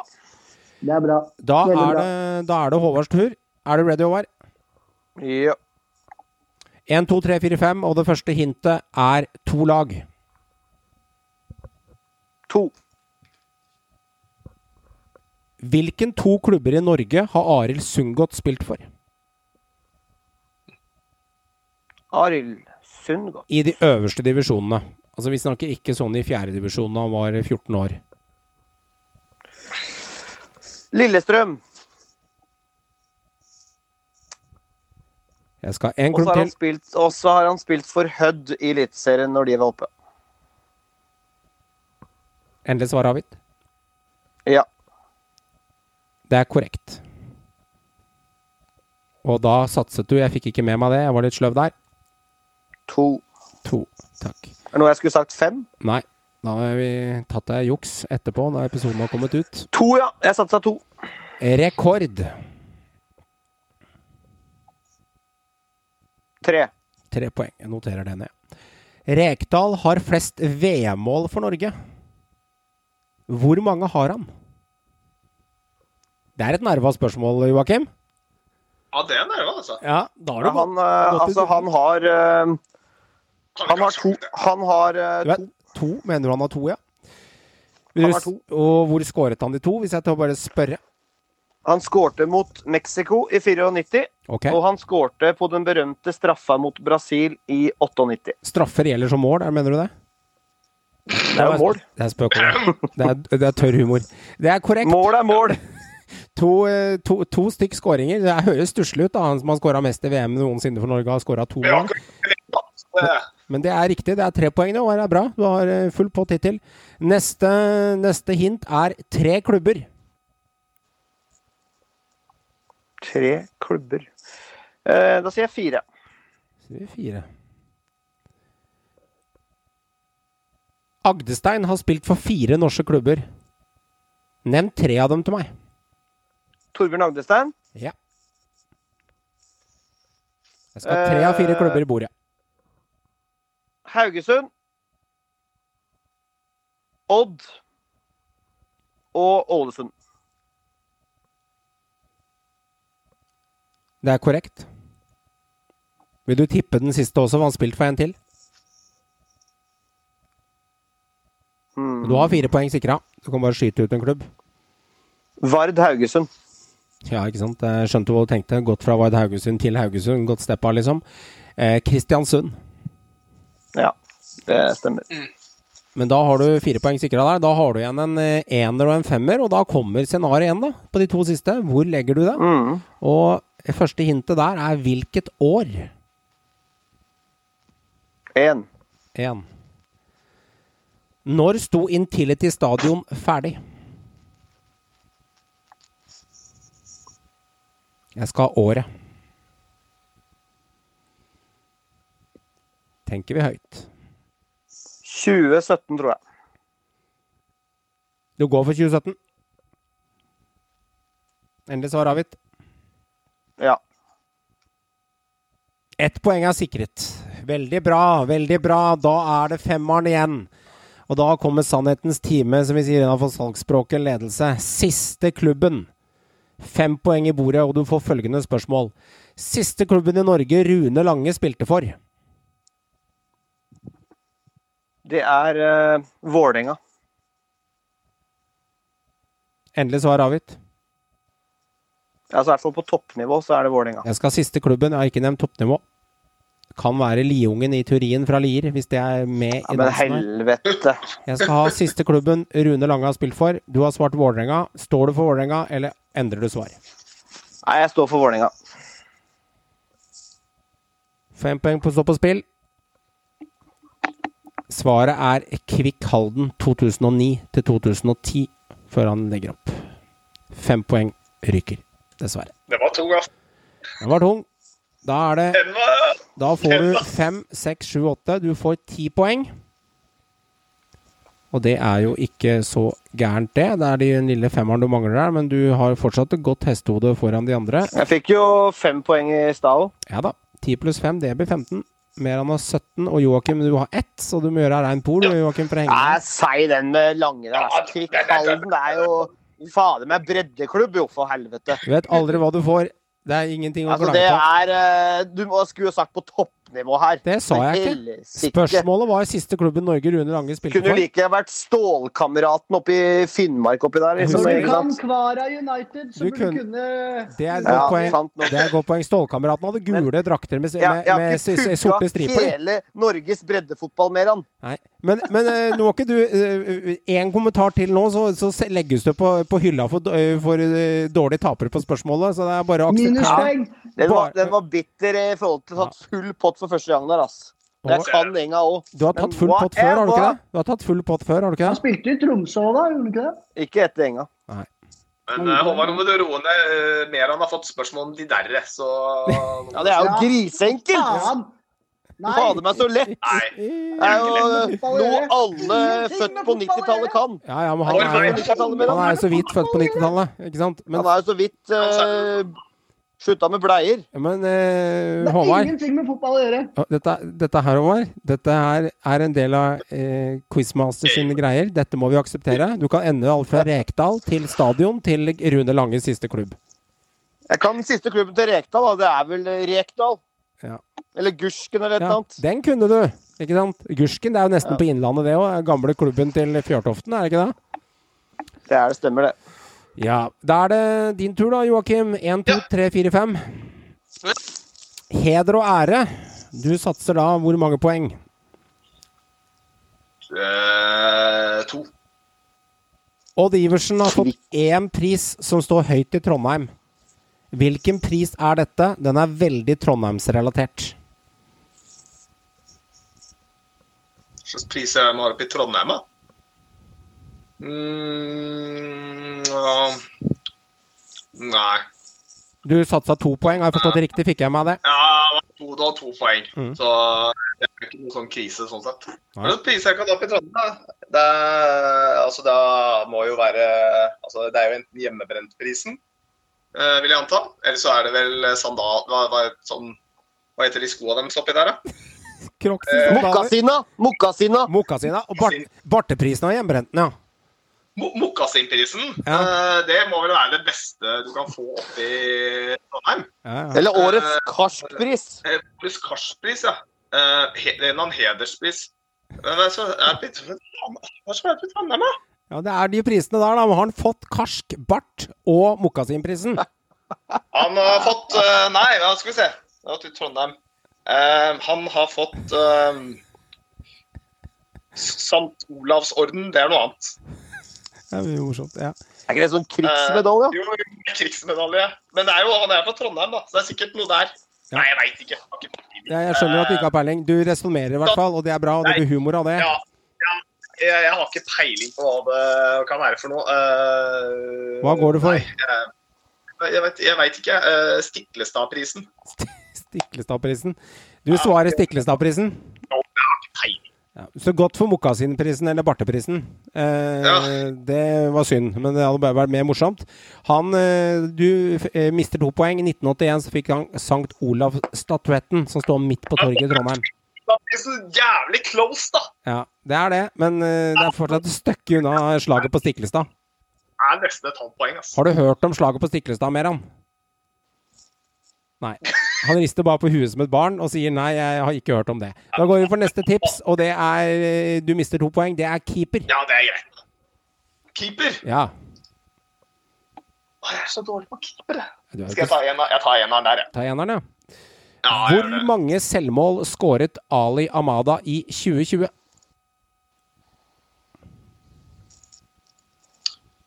Åh, uh, to. Endelig svar avgitt. Det er to eller tre. Jeg tror det er to. to. Jeg sier to, jeg. Det hadde vært ganske sinnssykt med tre, så du gambler. Du, du kjører en to. Ha tre selvmål, det er sjukt. Ja, spilte ni, Nei, kamper, spilte ni kamper og fikk tre sjølmål. Det er ganske vilt. Men eh, du sikrer i hvert fall du sikrer ett poeng. Det Ja, er to er riktig. Ja, han skulle tatt mer, ass. Den lå Ja, men sånn blir jo alltid, da. Altså, sånn kan holde på evig. Eh, kallenavn. Nei, får jeg dette hver gang? Jeg kan jo ingen av disse kallenavnene. Du får høyden på karet en gang til du når hvor høy er og sånn. Jeg jeg tar tre, da. Eh, Kjører vi tre poeng. Klanen hadde et kallenavn på Tom Henning Håvi. Hva var dette navnet? Det Det Det du, Hadde du sagt Hagen, så hadde jeg, da hadde jeg visst det. Ja, jeg skjønner det, men det er litt for enkelt. Panserhagen eller Supermann på var Det er for Panserhagen. enkelt. Hva kan eh, HV være da, hvis han var panser? Mm. Eh, det blir vel uh, Fjærlett HV. Ja. Eh, nei uh, De skriker 'Fjærlett HV, Fjærlett HV'. Fjærlett HV. Eh, Brele Tove. Brele. Der har vi den. HV um, uh, var, han, var han kjapp, da? Var han kjapp? Eller kanskje han var dritreig? Han var egentlig dritreig, og så kalte de en lyd, da. Å ja, sånn ja, du kjører den, ja. At han uh, Det blir morsomt at det resummerer litt, det var litt artig, det. Men uh, han ble ikke kalt Lynet kjapp eller uh, Fjærlett. Han ble Nei. kalt Kong Henning Håvi. Spilt mye kamper. dårlig. Spilt veld, ja, dårlig, dårlig kallenavn. Dårlig syngenavn nå, syns jeg, men det er en del av det. Greit. Da er vi tilbake igjen, da, på, eh, på rett og slett på en Fire og fem, da. fire og fem. Du har spart ja, Det er ikke så ille, da. Det er jo samme Det gjør jeg hver gang, da. Ja, ja, på en måte med samme nesten bruker her, for at det er jo nesten likt. Men da er det ett dyr, Et dyr. er hintet. Aha. Ah, den kan jo være, egentlig være dritlett. Eller dritvanskelig. Ja. Ja, skal vi slenge inn Nei, jeg sparer fem. jeg. Vi tar fire. Vi gjør det. Vi gjør det. Nå kommer det derre Hvilke dyr har Eliteserien som logo? Du sa- satser hvor mange poeng? Fire poeng, se. Fire poeng. Jeg sparer fem. jeg. Eliteserien har en logo på seg. Det er helt riktig, du fikk den. Hvilke dyr, Løve! hvilke Løve! dyr Ja, jeg venter spørsmålet hans til. Vil du svare løve og gå videre, Nei, eller vil du høre spørsmålet? Det er spørsmålet. Ja, jeg ville anbefalt deg det. Hvilke dyr er dette, og hvor er inspirasjonen til valg av dyr hentet ifra? Inspirasjon til valg av dyr. Og hvilke dyr? Jeg skal, det er to svar. Jeg skal først ta dyret, f.eks. rev. Eksempelvis. Ja, det er, det er løve. Okay. Det er greit. Sparer du løve? Den er, den er, den er enkel. Ja. Hvor er det hentet ifra? Det er fire poeng vi spiller om. Ah, det har jeg vel egentlig hatt et eller annet sted. Men uh, den er litt verre. Um, Hadde vært for lett hvis du bare skulle dunka opp løven på fire poeng her. Ja, Altså, må ha litt mer enn det. Vært, eh, Meran, kan du den her, eller Meran? Ja, han er usikker. Nei, den er ganske Ja, løven da. Jeg ser hvordan den ser ut. Jeg har hørt den i en eller annen setting. Ja. Um, det gir meg litt sånn lite Er det ikke noe sånn gamle Noe sånn der tatt fra noe sånn der gamle Er det bare tatt fra Er det bare tatt fra riksvåpenet? Er det så enkelt? Er Det bare tatt fra det norske riksvåpenet, liksom? Du må ikke spørre meg, det er du som skal svare. Jeg sitter jo med svaret. Jeg bare, jeg bare sier at det er tatt fra altså det norske riksvåpenet. Det er jo løve. Hva svarer du? Vi må ha et svar av deg. Riksvåpenet? Jeg har svart. Riksvåpenet og, lø riksvåpenet og løve er det du går for? Ja, jeg går for riksvåpenet. Løve er i hvert fall riktig, og det er mange som begynner å tenke at den er hentet fra Premier League og sånne type ting, og da bør man egentlig tenke at det er litt for jalla å hente logo fra en annen liga, så det er ikke riktig med Premier League. Inspirasjonen er hentet fra det norske riksvåpenet til Norge. Fire poeng er sikra. Vi hadde vært veldig skuffa over deg nå, som er som politikerkonge, hvis ikke du hadde klart den der, men du befester din politikerrolle ved å kunne den. Fire poeng. Jeg brukte veldig litt for lang tid for å huske det norske riksvåpenet, faktisk. Ja. Det skal jeg innrømme. Det er litt flaut, men uh, det er bra. For den, det er, kan være det, det er irriterende når man nevner det, og så har man tippa noe annet etterpå. For eksempel eh, hentet inspirasjon fra barneskolen i Bærum for unga tegna dyr. Ikke sant? Hvis man kommer med et sånt svar, så er det flaut. Det blir, men det er bra levert, Joakim. Da sitter vi med femmer til slutt, da, og det er humor. Eh, og 1. april i fjor kjørte Stabæk en aprilspøk. Hvilken spøk kjørte dem den dagen? Fortell meg essensene av spøken. Følger ikke med på av Vi spiller om fem poeng. Hvis jeg, en av dem er, alt de har eh, Skal vi se Det var i fjor, ikke i år. Altså ett år og en måned siden. Ja, jeg skjønner at I år har jeg ikke fått med noen, men jeg fikk ikke med noen i fjor heller. Men eh, hva kan de ha drevet med? Det må jo være fotballrelatert, så det er greit. Det, Det er det. Det er ikke sånn vi begynner å selge softis på stadion. Jo, det er fotballrelatert òg, da, siden stadion er nevnt, men det er litt annerledes enn det. Liksom, enten så spiller de på sånn god gamle greie at de har henta inn en annen sånn gammel uh, dude som skal spille fotball for Stabæk igjen. Mm. En sånn derre uh, Veiga Pall Gunnarsson eller sånn på prøvespill. Det er, enten er det borti der, eller så er det et eller annet med den der jævla stadion dem som de kuka med. Ok. Vi trenger et svar. Um, Det holder med det resonnementet der, ja. Innafor noe Ja. sånt. Nå trenger ikke mer dybde enn det, men hva går vi for? Jeg hadde svart at alle spillerne skal begynne å snuse, for det øker oksyg oksygenopptaket. Det hadde jeg begynt med. Hvis det hadde vært nydelig hvis det var, eh, hvis det var, eh, hvis det var faktisk eh, det de sa. Um, uh, nei, jeg, jeg har ikke peiling, uh, så jeg tenker at jeg bare svarer at uh, I fjor Nei, jeg, jeg har ikke peiling. Uh, at uh, åh, de, oh, det, Et eller annet med at de er rike. Uh, at Nei, jeg, jeg veit ikke. Jeg vet ikke. Jeg har ikke noe godt tips. Nei. Meran, kan ikke du bare smelle inn hva det er, da? Nei. Og så Det har de ikke lov til. Nei. Jeg har et dårlig tips. på- eh, skal eh, de, de skal Nadderud om til eh, Det skal være rockearena på siden. Rockearena på siden, ja. Ok. Så kan man sånn på Telenor Arena, i og med at de klaga så mye på at det ble slitt matte og sånn. Så Mm. det var det at de hadde gjort avtale om at det skulle være sånn musikkarena på Nadderud. Uten tak over og stygg løpebane med musikkarena, og U2 kommer og spiller, liksom. Det er, jeg går for den essensen, jeg. Eller de derre. De der. De der. De der, de der gjør comeback, og Meran er hedersgjest på første rekke. Meran står på første rad! Ja. Det er, eh, det, det er i hvert fall feil. Men eh, de spøkte i fjor med at Daniel Langskog eh, og tar over jobben som sportslig leder, sportssjef, etter Inge André Olsen. Eh, det var spøken deres. Mer han hadde lyst til å legge til noe på den femmeren som eh, vi sendte rett til Akerselva. Yes, det var en aprilspøk til òg. Ikke, ikke med vilje, men de signerte Romain Goal 1.4.2020. Og det viste seg også å være en svær aprilsnarr. Ikke sant? Det, Sånn fun fact. fun fact, ja. Du får for Ali Amada ett poeng, og så får du for riksvåpenet med løven fire poeng. Du sitter, stikker av med fem poeng. Det var, eh, det var ikke akkurat all verden, det. Nei, men det, det, det spørsmålet nå var eh, ikke i min gate, så det er OK.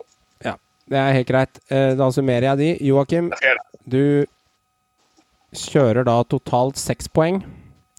Det vil si at du er oppe på 86 samlet. Meran, du er rundevinner med 17. Det er jo ganske, Ja. det er ganske sterkt, da.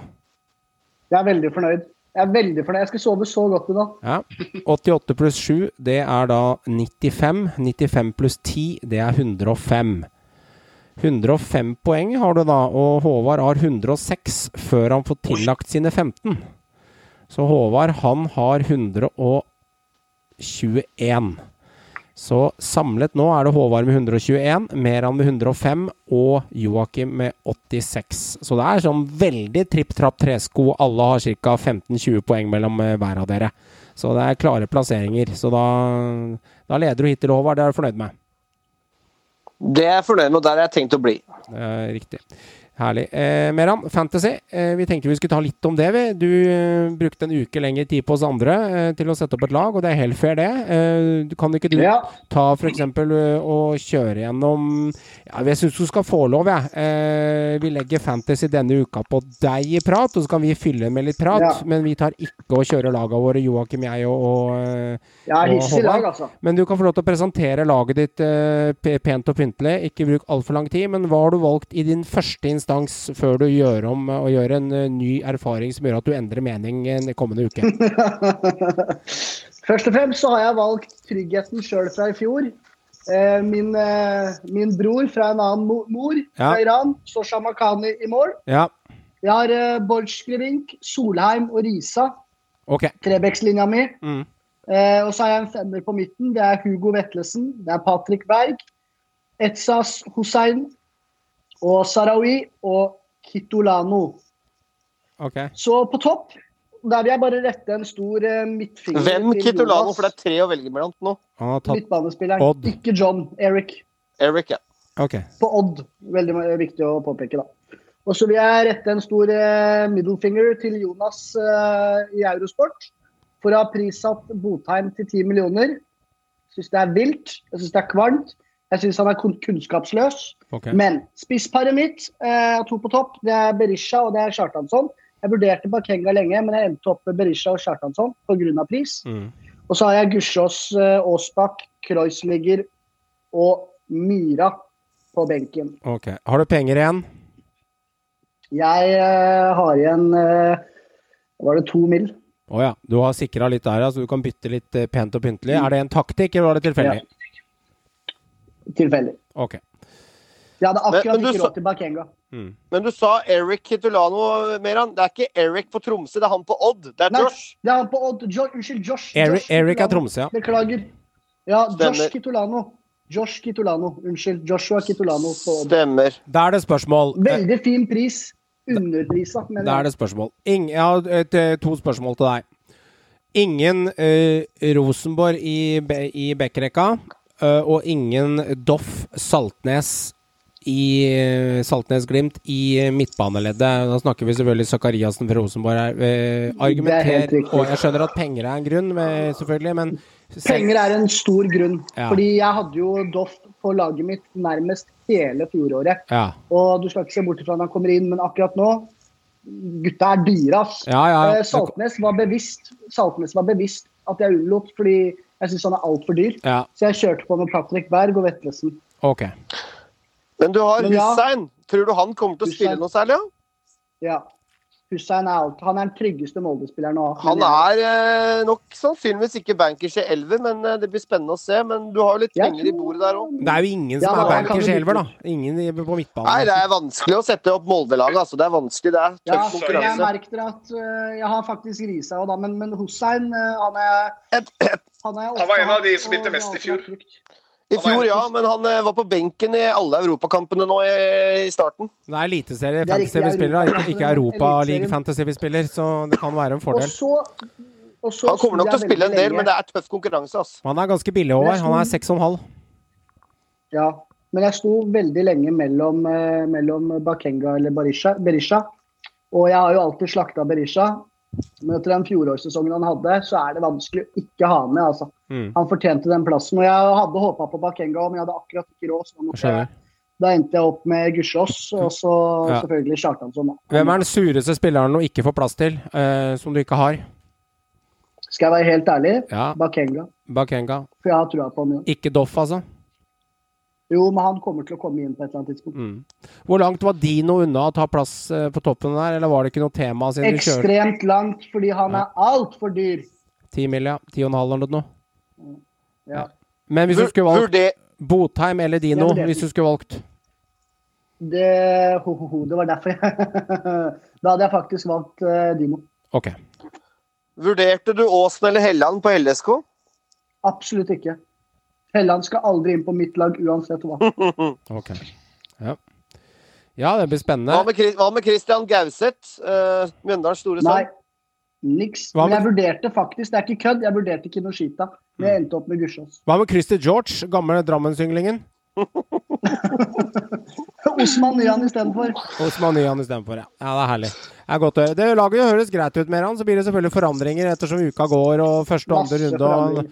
Angsten begynner å bre seg fordi at Eikrem legger fire assist i første runde og netter én straffe. Så begynner folk å tenke faen, hvordan skal jeg få plass til han? Og så er helvete i gang. Det er det det ender med. Eh, det ender jo at man får litt fomo på noen av spillerne.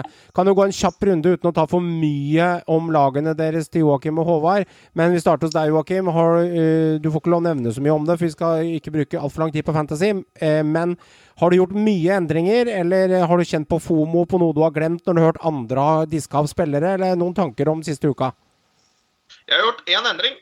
Ok, men kjør den da, hvis det er én endring. Jeg har gjort én endring på laget mitt, og det er at Moses Mava har kommet inn. Og hvem fjerna du? Uh, da hadde, der hadde jeg bare Kone fra Sarpsborg som sånn, uh, okay. passe, sånn oppassengspiller som bare var der fordi det var riktig rundt riktig uh, prisklasse. Men så, etter treningskampen nå, så gikk Mava rett inn, pluss at han kommer jo til å spille uh, for godset. Mm. De har jo ikke akkurat noen spissere å ta av i særlig stor grad. Nei, sant. Og Fred Friday dyr av en Bizarre årsak. Ja, ok, ja, jeg skjønner. Ja, så fort blir han påvirka. Én scoring og litt eh, fart i mølla, så Ja, ja. plutselig bytter man inn. Eh, Håvard, har du gjort et enkelt bytte eller et eller annet, eller har du fått noen nye erfaringer siste uka? Du, eh, jeg har gjort flere forandringer. Jeg vet ikke om jeg gidder å si det, men jeg har gjort, eh, jeg har gjort en eh, forandring på taktikk. Jeg har lagt Ja. om til 3-5-2. Ja. Okay. Det har jeg gjort, så det, så mye kan jeg si. Og du kan si én ting Og- til. Eh, Hvem spiller er det du er småbitter på, som gjør at du, gjør at du nesten holder deg en nattesøvn eh, mistes pga. at du ikke får den inn på laget, koste hva det koste vil? Eikrem. Eikrem irriterer deg. Ok. Greit, da, da er den grei. Jeg eh, har det samme følelsen med mitt lag. Jeg har eh, gått for en litt uh, røff midtbane med veldig mye gode spillere, uten å nevne for mye. Midtbanen min er helt insane. Og jeg har én stjernespiss og to benkvarmere. Jeg har ikke da valgt å satse på spissene i starten av sesongen, men heller kjørt en insane midtbane. Noe mer enn det ønsker jeg ikke å si i denne omgangen, men det gjør at jeg får veldig mye penger på midtbanen. Jeg har valgt den taktikken, så får vi se hvor langt det bærer meg. Det er noen spillere på dette fantasyspillerlaget som i hvert fall ikke er vits i å begynne å ta inn på laget, Håvard. Eh, og det er eh, løvungen Simba til Brann som skulle komme dit. Det er Mollins til RBK, Patinama Viking, Pernambuco Glimt og Williamson islendingen til Kristiansund. Hvis du har de på fantasylaget ditt, så er det bare å skifte med en gang. For disse gutta her, de er ikke kommet enda. Altså, de har ikke engang kommet seg på karantenehotellet. Nei. Så de sitter hjemme i sine respektive land og venter eh, pent. Sitter med kofferten pakka og klar. Har solgt leiligheten og solgt bilen, men får ikke lov å dra. Så det er jo da eh, synd for de klubba som er henta fra utlandet. Eh, men vi får håpe, vi får håpe at eh, Så tenker jeg på Brann sin del, som venter på godeste Monga Simba og, og de andre klubba også. At de kommer eh, inn til Norge eh, og i hvert fall kan begynne på karantenetida si så fort som mulig, så de muligens rekker seriestart. Mm. Men det vil jo ta tid å spille inn disse gutta her. Ja, ja. For det er eh, håpløst for de norske klubba å hente fra utlandet nå. Det er ekstremt tøft, ekstremt vanskelig. Men når det begynner å lette litt nå, så får vi håpe at eh, sånne type arbeidere som fotballspillere også faktisk kan komme hit og gjøre jobben sin. Mm. Det håper jeg virkelig på. Og at vi også kanskje kan se at klubbene også begynner å hente litt mer fra utlandet igjen. At det er mulig, da. For nå er det et tøft, tøft marked, altså. Ja, men Jeg skjønte at Rosenborg hadde, hadde rett og slett forlenget kontrakten med Mollins ut året pga. situasjonen de hadde kommet i. De ønsket mer eh, forutsigbarhet, RBK. Istedenfor å hente en spiller på bare korttidskontrakt fram til sommeren, så har de valgt å gi Mollins en ettårskontrakt for å rett og slett ha han på plass hele året. Det er fornuftig, det. Så da betyr det jo også at de tror på han, at han faktisk kan levere og, og kjempe, kanskje og pushe Dino på spissplassen der. Og Wilhelm Paul er nok da litt sånn bak i bakleksa, men, eh, men eh, Mikke Dorsin eh, bekrefter jo at de kunne henta mange kjente navn på korttidskontrakter, særlig i forbindelse med EM. Mm. Sånn som da IFK Göteborg har gjort med Hamsik. Det var mange kjente spillere som har lyst til å spille seg i form, som ikke får spilt så mye i utenlandske ligaer osv. Som skal spille i det mesterskapet som kommer nå. Så RBK hadde mye muligheter der, har de bekrefta, uten å røpe navn. Men det er nok mye kjente fjes. Mm. Eh, men de har valgt å da eh, mer kontinuitet og gi Mollins en ettårskontrakt. Mm, mm. Ja, det er ganske vanskelige arbeidsvilkår for klubben. da. Eh, Vi ser også Rosenborg, som du sier, har sagt at de har mulighet til å hente ganske mange kjente navn i, i Nord-Europa opp eh, på korte kontrakter. Men så sitter man med spillere eh, som dette her, som ikke kommer inn, eller andre norske klubber av spillere som er her allerede. Eh, å kjøpe ut en eh, Bent Sørmo for Kristiansund, nå tar jeg bare det som eksempel, eh, det var kanskje rimeligere for et år siden eh, versus i dag, eh, pga. at spilleren er klar og han er en god spiller, eh, vel bevares. Men det er veldig mange sånne vanskelige omstendigheter, for det er ingen som har lyst til å gi slipp på noen eh, til høyre og venstre her akkurat nå. Du kan jo også begynne å lure på hva Brann f.eks. tenker med, da. Som kvitter seg med stopperen sin, og det er manko på stoppere. Og så må de hente en ny, og så er markedet sånn som det er. Og så kvitter du deg med en up and coming god stopper fra Sverige som har spilt to år fast i Allsvenskan. Ja. Og, så- og så skal du ha inn en ny mann. altså Da bør du ha noen på blokka, i hvert fall, i det minste. Det Så jeg begynner å lure på hva de tenker med, altså. Ja, det er litt sånn. Og det er jo en av neste punktene her, da. Altså, hvem mangler hva? Altså, hull i laga. Vi kan jo starte med Brann. Altså Jeg skal ikke legge for mye Altså, jeg, har, jeg, har- jeg har vært inne på det flere ganger, men jeg mener jo at Brann eh, de, de trenger egentlig, i mitt hue, i hvert fall to-tre spillere inn. Trenger de ikke, er det ikke sånn, trenger de ikke alt snart, da? Litt sånn øh, Ja, men eh, vi, vi, vi kan ikke få alt, men eh, to-tre nye trenger dem. Og de trenger, i mitt hode, de trenger en stopper. Det er prekært. En kvalitetsstopper som kan gå rett inn. Kolskogen. Unge, lovende Kolskogen var uh, direkte svak mot Sogndal, men dette er en spiller som vil variere. Vi trenger rutine på den plassen, og der håper jeg at de henter etablert. Og så trenger Brann også veldig en ny spiss som kan pushe Bamba, kanskje til og med er så god at han setter Bamba på benk, så kan han sitte der og sutre og klage og eh, skjelle ut folk eh, til han er ferdig i klubben. Eh, fordi han er på vei bort og vil ikke skrive ny kontrakt. Så, og Brann, det er for tynt med kun Heggebø da. Så, så det er på en måte det som er veldig prekært. Og så kan du godt si at de trenger ny keeper. Oppdal er på pensjonistnivå snart. Og de trenger også muligens til og med en inn på midten, så det er mye her. Men eh, det er veldig prekært på stopper og spiss. Veldig. Veldig. Det høres øh, tynt ut. Øh, Stabæk hos deg, Meran. Er du fornøyd? Eh, Jeg har ikke hørt deg bitche så mye på Snap-gruppa vår heller. Det ser ut som, det høres ut som du er fornøyd, eller har jeg tolket deg riktig? Nei, det er, jo, det er jo status quo fra sist gang. Altså, Vi trenger definitivt en stopper. Det er der jeg føler det brenner mest. Og så trenger vi en stopper. Eh, Nei, spiss. Men jeg mener at det viktigste nå er å få inn en stopper for breddens skyld, og, og fordi at vi er veldig tynt besatt der. Um, men det er stopper og spiss. Det er det vi trenger. Vi har en eh, nydelig keeper. Vi har eh, en eh, kjempebra midtbane, som er vårt sterkeste ledd. Det er på spissplassen, og det er en stopper vi trenger. Jeg føler det er ganske likt der. Jeg er på prekært på Stabæk og Brann med stopper og spiss. Ja. og Samme er det vel litt på godset, Joakim. Trenger stopper og spiss kanskje på mange måter der òg. Ja, eh, det er jo ikke noe Det er, det er jo gått gjennom helt fra i fjor, holdt jeg på å si. Eh, I hvert fall nå.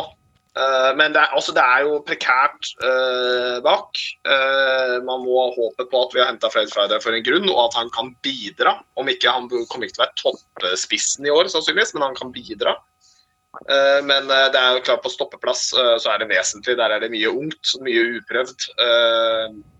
Og rett og slett et litt lavt nok, eh, litt for lavt eh, nivå eh, som en helhet i det stoppeparet. Ellers så er midtbanen OK. Jeg syns ikke den er gæren. Jeg syns de har en, egentlig en ganske god midtbane. Så stopper og spiss, det er vel det som går igjen hos nesten samtlige lag i Eliteserien, føler jeg. Har jo fått bekrefta nå at både Brann, Godset og Stabæk er på Gustav Walsvik. Skulle bare Ja. Er jo Så bare, eh, det er en eh, Han kan velge og vrake klubber i Norge, altså. Spørs jo- bare eh, hvor mye er han villig til å fire på krava, for han får ikke 2,5 mill. i år i den klubben der. Nei. Det, men igjen så det er min klubb Rosenborg da, som sitter egentlig med et litt luksusproblem med x antall stoppere. Ja. Og de er jo i en ganske god situasjon der. Ganske mye bra stoppere også. Så Rosenborg kan jo kvitte seg med en av dem uten at de blør veldig.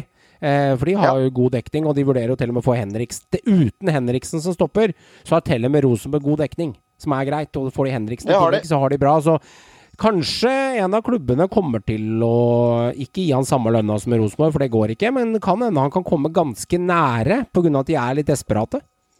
Og det spørs hvor desperat er Walsik for å spille fotball også. Eh, vil han sitte og råtne på tribunen eller benk i Trondheim, eller vil han spille fotball? Mm. For jeg tror ikke han får spilt mye ball oppe i Trondheim eh, denne sesongen, så han bør jo flytte på seg.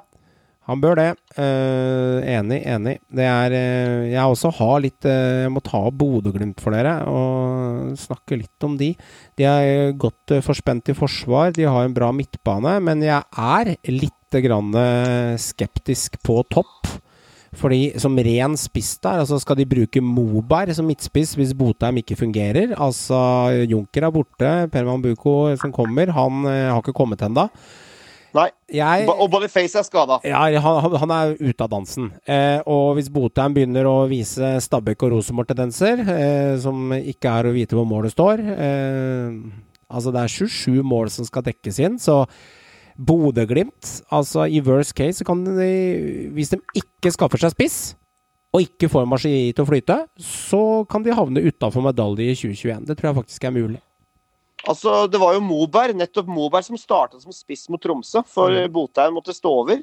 Så de sitter jo faktisk nå, som du resonnerer, eh, med Moberg og Botheim som spissalternativer, og Pernambuco som sitter i Brasil eller Ukraina eller hvor han er, Ja. og venter på å komme. Og det vil ta tid. Dette er en brasiliansk spiller som sannsynligvis sliter med muligens med engelsken, for alt vi veit, og språket og kulturen, og skal spilles inn. Dette kommer til å ta tid. Så eh, Bodø-Glimt har også uh, sliter på spissplassen. Det er prekært for de, altså. Altså, navnet på denne, denne spilleren er José Vitor Rodriguez da Silva dos Santos. Kallenavn Permambuco. Altså, det er sju navn på vedkommende. Eh, fantastisk. Det er nydelig.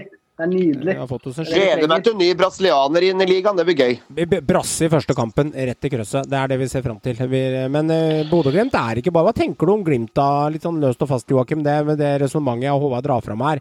Vi hadde de to gull i fjor, og vi har alle, alle øyne er på dem med store brilleglass. Eh, ser det litt tynt ut, egentlig, sånn akk jeg vet, Vi skal ikke undervurdere spillestilen deres og måten de, eh, måten de har rulla over andre lag på og vist eh, styrke i laget, men jeg er litt skeptisk. Det er, mye, det er store sko å fylle, altså.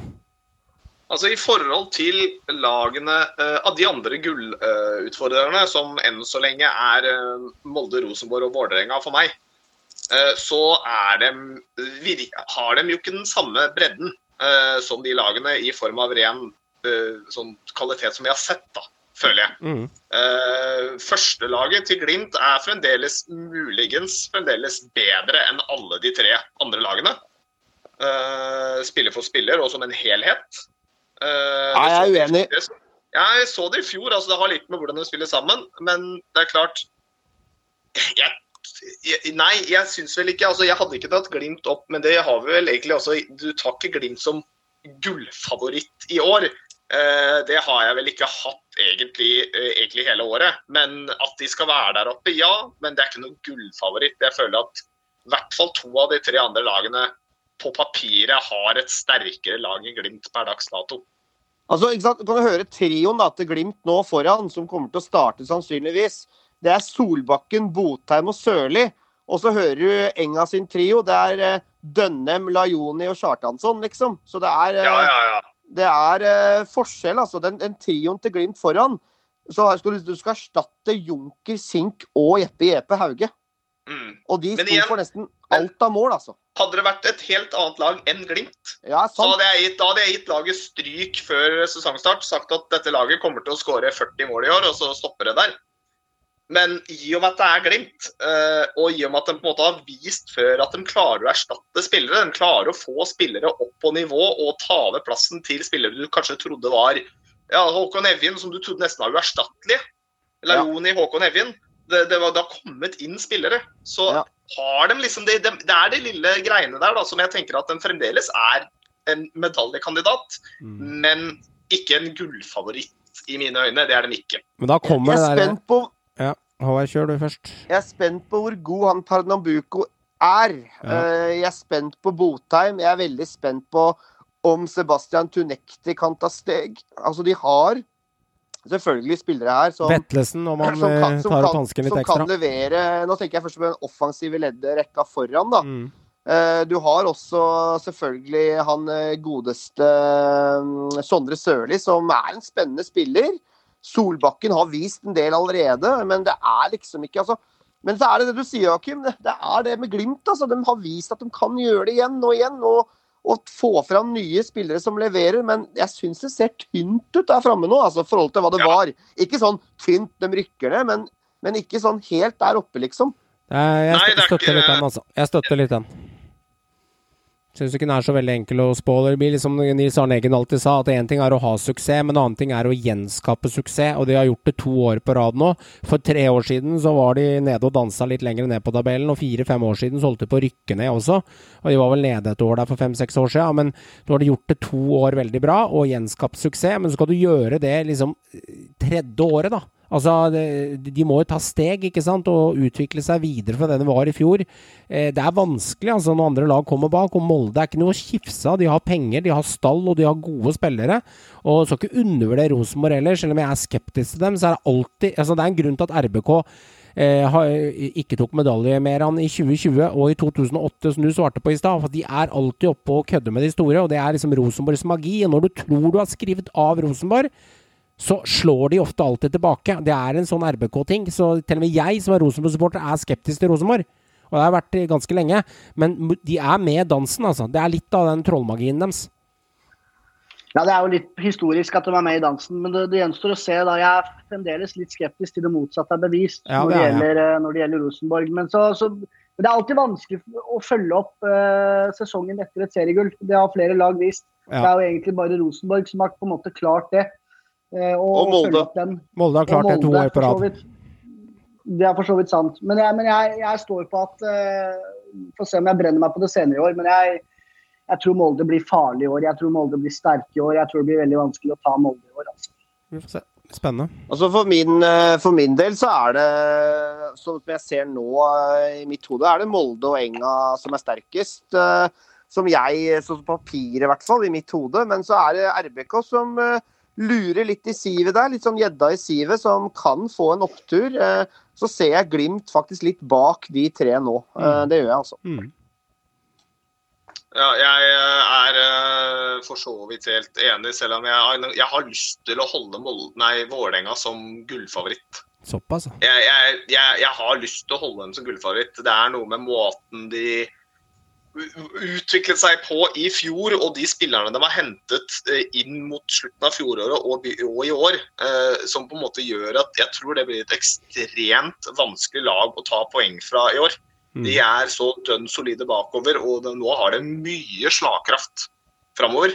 Ja, okay. Jeg, jeg er nesten Jeg er litt frista uh, for å være litt sånn på siden nå, på en måte. Mm. Og ha Enga som gullfavoritt i år. Jeg Dette- er litt frista til det. Dette skal vi snakke om eh, de neste ukene. Eh, Vålerenga er kasta opp i hatten. Molde også er kasta opp der. Glimt må forsvare, og eh, for første gang på lang tid så er faktisk Rosenborg gjedda i sivet og skal utfordre bakfra. Og den eh, lener jeg meg litt med Håvards resonnement på der.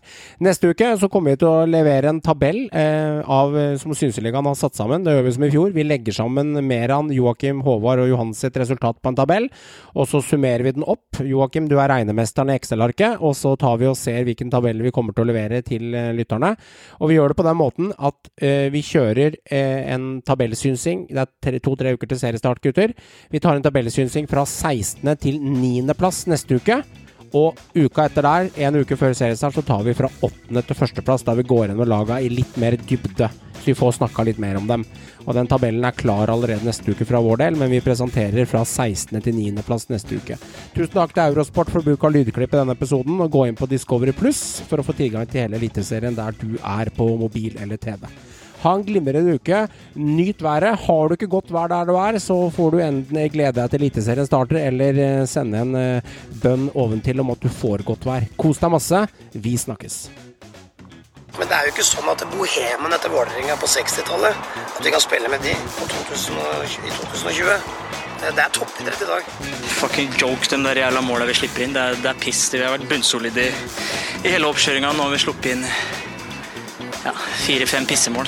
Det er jævla kjedelig å trene, så det er mye bedre å bare ligge og sole seg og så spille kamp. Så det er perfekt.